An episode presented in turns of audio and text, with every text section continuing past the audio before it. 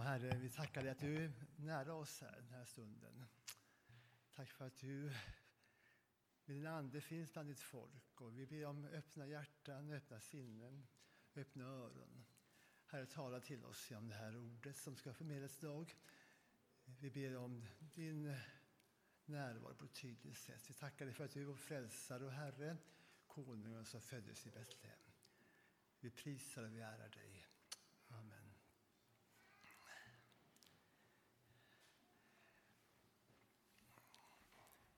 Eh, jag har kallat den här predikan Gud håller sina löften. Eh, det är den fjärde söndagen i advent och egentligen är det Guds, Herrens moder eh, Maria som är i centrum för den här söndagen. Men hon kommer ju med också, så att det är ingen fara med att vi missar henne här. Vi har redan hört den text från Gamla testamentet som hör ihop med den här söndagen. Texten är från Jesaja om budbäraren med det goda budskapet om seger. Han bär bud om seger, bud om räddning när han säger till Sion, din Gud är nu konung. Herren tröstar sitt folk och friköper Jerusalem. Vår Gud räddar oss.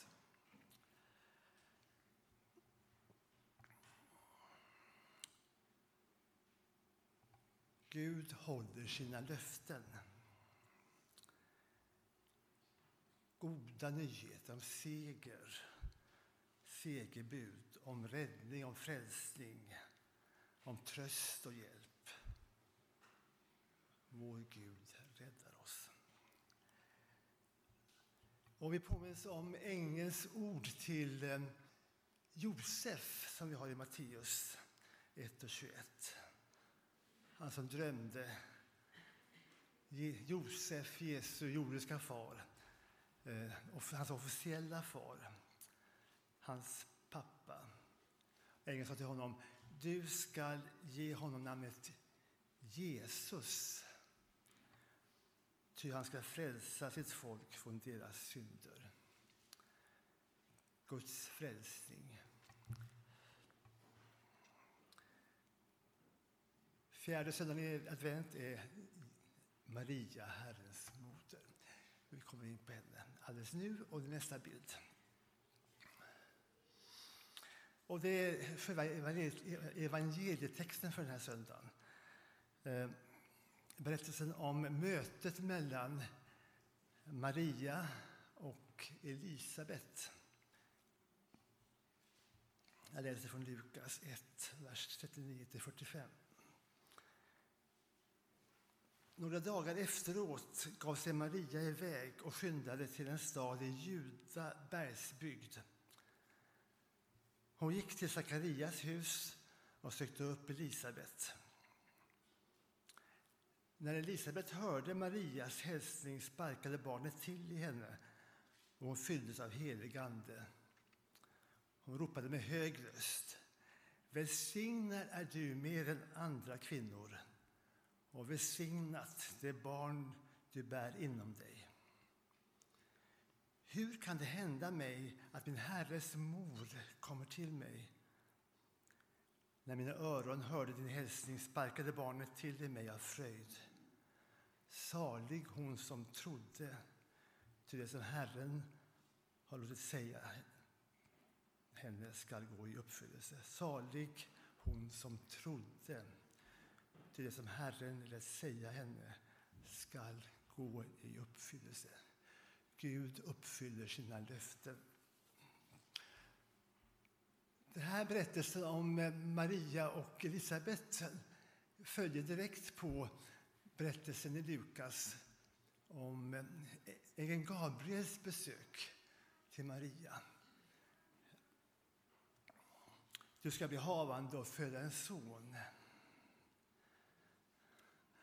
Och du ska ge honom namnet Jesus. Han ska bli stor och kallas den Högstes son. Herren Gud ska ge honom hans fader Davids tron och han ska härska över Jakobs hus för evigt. Och hans välde ska aldrig ta slut. Eh, Maria var ju bara en tonårsflicka när ängeln Gabriel kom till henne med det här budskapet. Och hon trodde. Hon eh, kanske var förvirrad och bekymrad, men hon trodde. Och sen någon dag senare så gav hon sig iväg då till sin släkting Elisabet som också var med barn. Eh, det var en resa kanske på fem dagar eller så uppifrån eh, Galileen till, till Juda, utanför Jerusalem någonstans. Och när de träffades så den här märkliga eh, berättelsen om, om hur Johannes döparen, som då var sex månaders foster i Elisabets mage, hoppar till. Och på något sätt märker då Elisabet att det här är någon slags andligt skeende i det här. Min Herres moder, min Herre Jesus, frälsaren, hans mamma har kommit på besök. Och det blir en slags bekräftelse för Elisabet att hon bär på Johannes som är en vägröjare, en föregångare till Jesus. Men också för Maria på att det hon har hört av Gabriel ska gå i uppfyllelse. Att det här är något som verkligen har hänt. Det är inte bara en, en dröm, en tillfällig syn, utan en verklig händelse. Hon är med barn och ska föda Jesus, kungen, frälsaren, Messias. Och på hans välde ska aldrig vara något slut. Och när Maria hör den här bekräftelsen så brister hon ut i en lovsång eh, som heter Magnificat på, på, på latin. Det är en del av latinska gudstjänsten. Eh, min själ prisar Herrens storhet. Min ande jublar över Gud, min frälsare. Och den slutar så här. Han tar sig an sin tjänare Israel och håller sitt löfte till våra fäder att förbarma sig över Abraham och hans barn till evig tid. Guds löfte genom Maria består av några delar kanske. Det ekar väldigt här. Sonen som hon ska föda är alltså Messias, den utlovade kungen på Davids tron. Hans rike är evigt, Guds eviga rike. Guds son, världens frälsare, är den de bär på. Vi tar, ja, nu hoppar vidare här, men jag ser till när bilderna ska komma fram så blir det lite mer ordning på predikan. Eh, Maria tänkte alltså på Guds löften i Gamla testamentet som eh, folket hade fått höra genom profeterna. Och ett sådant löfte som man måste ha tänkt på är ju vad vi kallar för eh, Jesajas julevangelium. Det som vi läser på julafton ofta, eller på juldagen. Till ett barn har fötts, har fötts, ett barn har fötts, en son är oss given. Väldet är lagt på hans axlar och detta är hans namn. Allvis härskare, gudomlig hjälte, evig fader, fredsfurste. Väldet ska bli stort, fredens välsignelse utan gräns för Davids tron och hans rike. Det ska befästas och hållas vid makt med rätt och rättfärdighet, nu och för evigt. Herrens Sebaots lidelse ska göra detta. Gud blir människa, en son ska födas och väldet är lagt på hans axlar. Gud själv ska bli människa och hans rike vara för evigt. Det är löftet som Maria tänkte på. Löftet från Jesaja. Men vi har nästa bild också. En annan text Ett par texter till. Och det ena är en psalm som jag ofta kommer tillbaka till. Och det är Davids 145 psalm i Psaltaren, psalm 145. Där David då eh, tackar och prisar Gud, en tacksägelsesalm. Men det finns också ett profetiskt inslag i den psalmen som, som jag tycker är intressant och viktigt. Vers 10 följande. Herre, allt du har skapat skall tacka dig, dina trogna skall lovsjunga dig. Du ska tala om ditt rikes ära och förkunna din väldiga kraft så att alla får känna din makt, ditt rikes ära och härlighet. Ditt rike står i alla tider, ditt välde från släkte till släkte. Gud håller sina löften. Kärleksfull i allt han gör.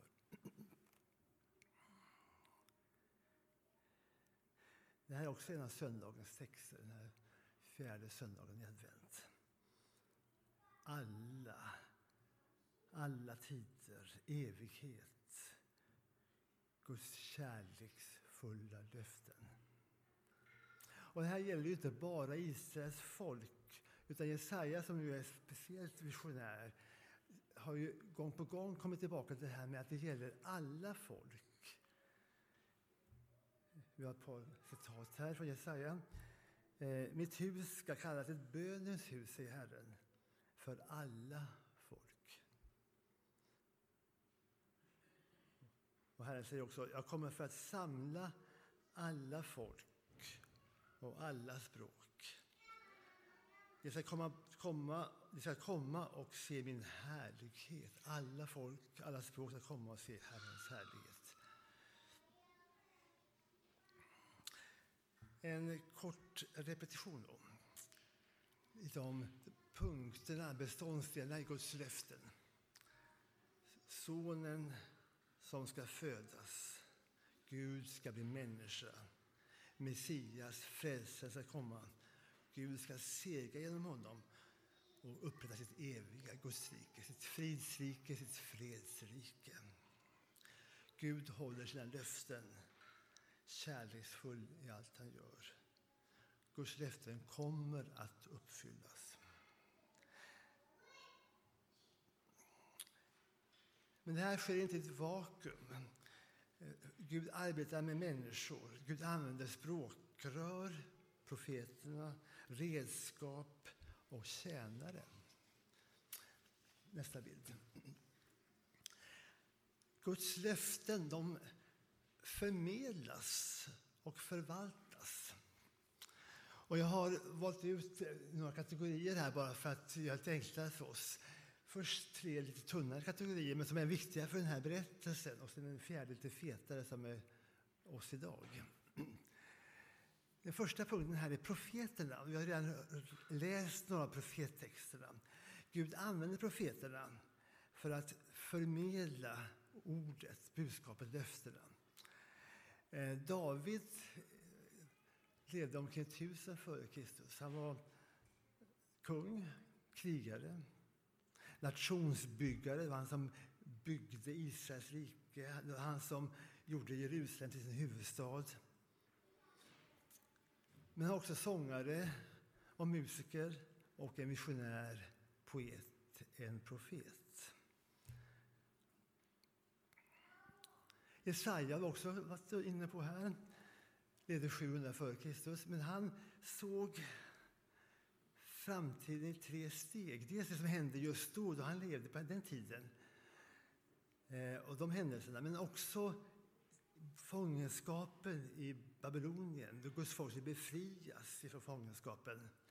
Och mot framtiden, Jesu födelse och hans framtida rike. Så en otrolig visionär som såg tusentals år in i framtiden. Och andra profeter också i, i Gamla testamentet såg Guds frälsning, Guds frälsningsplan mer eller mindre tydligt.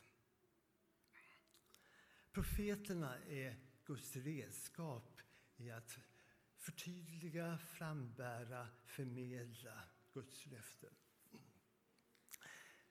Sen har vi det här för redskapen. Och det är de här som finns med då liksom i, i själva julberättelserna. Det är det här som händer eh, adventstid och juletid. Vi har Maria förstås, hon som lyssnade, hon som trodde på ängelns budskap, hon som var villig att underkasta sig det här budskapet. Missförstånd, kanske förakt, ifrågasättande. Men också framtida lidande när hon stod där vid Jesu kors och kände som ett svärd skär genom hjärtat. Hon är ett redskap för Guds löftens fullbordan. Vi har Josef, hennes eh, jordiske man. Far till Jesus, officiell far till Jesus. Han som liksom fick eh, höra det här änglabudskapet om att Jesus, Guds och Marias son, skulle vara världens frälsare. Men han var villig att, att ta på sig den, den knepiga rollen egentligen. Och bli Jesu jordiska far. Och också en, en länk i löftet ifrån David fram till Jesus. Vi har änglarna, de som är liksom inte mera spöklika varelser kanske i det här sammanhanget, men de är med gång på gång och förmedlar budskapet och bekräftar budskapet. Talar med Maria, talar med Sakarias som var, eh, som var Johannes far, eh, man till Elisabet. Vi har, eh, de var med eh, gång på gång och, och, och förmedlade, bekräftade budskapet. Också Guds redskap för uppfyllelsen av löftena.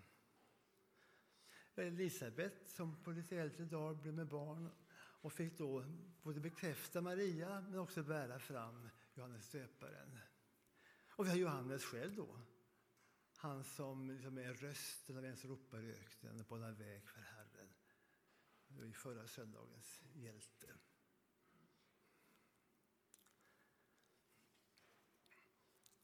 Vi har ögonvittnena. Det är också änglarna igen som såg det som hände. De var ju med där och, och, och prisade Gud för herdarna. Vi har herdarna, de enkla människorna, männen som det vanliga folket som jobbade halvvakna, halvsovande på natten där med sina fårahjordar. De hörde änglasången, de skyndade till stallet. De vittnade sen om änglarnas budskap för Maria och Josef. Och de hyllade Jesusbarnet, Guds redskap i löftesuppfyllelsen. Vi har de här östländska stjärntiderna som berättas om i Matteus evangelium. De här eh, stjärnskådarna, väl? Magiker, vise män, kanske kungar. Som förstod på något sätt, fast de var hedningar, att Gud var på gång, att en kung skulle födas i Juda. Och de följde drömmen, de följde stjärnan. Och de bar fram sina gåvor, hyllade Jesus. Och blev alltså på något sätt också redskap och ögonvittnen i den här, den här, den här berättelsen om julens löften.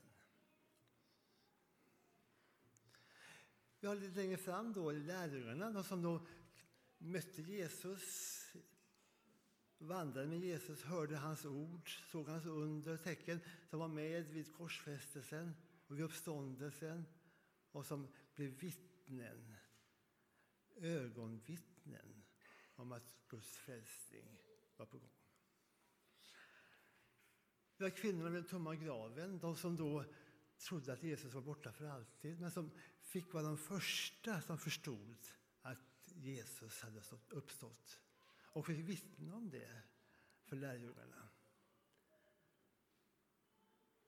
Och vi har också, tror jag, med i den här gruppen ögonvittnen de som var med på den första pingstdagen och fick möta anden och de här språken och Guds världsvida frälsningsplan så här personligt.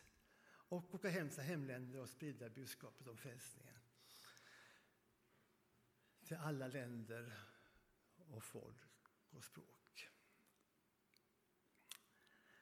Och kan man gå vidare. Det är många som har varit ögonvittnen. Men vi hoppar fram till oss själva nu idag, Guds folk idag, för att bara sluta lite kort med, med, med på vilket sätt vi kan vara med i den här, den här eh, planen, Guds frälsningsplan, förmedla den och vittna om den.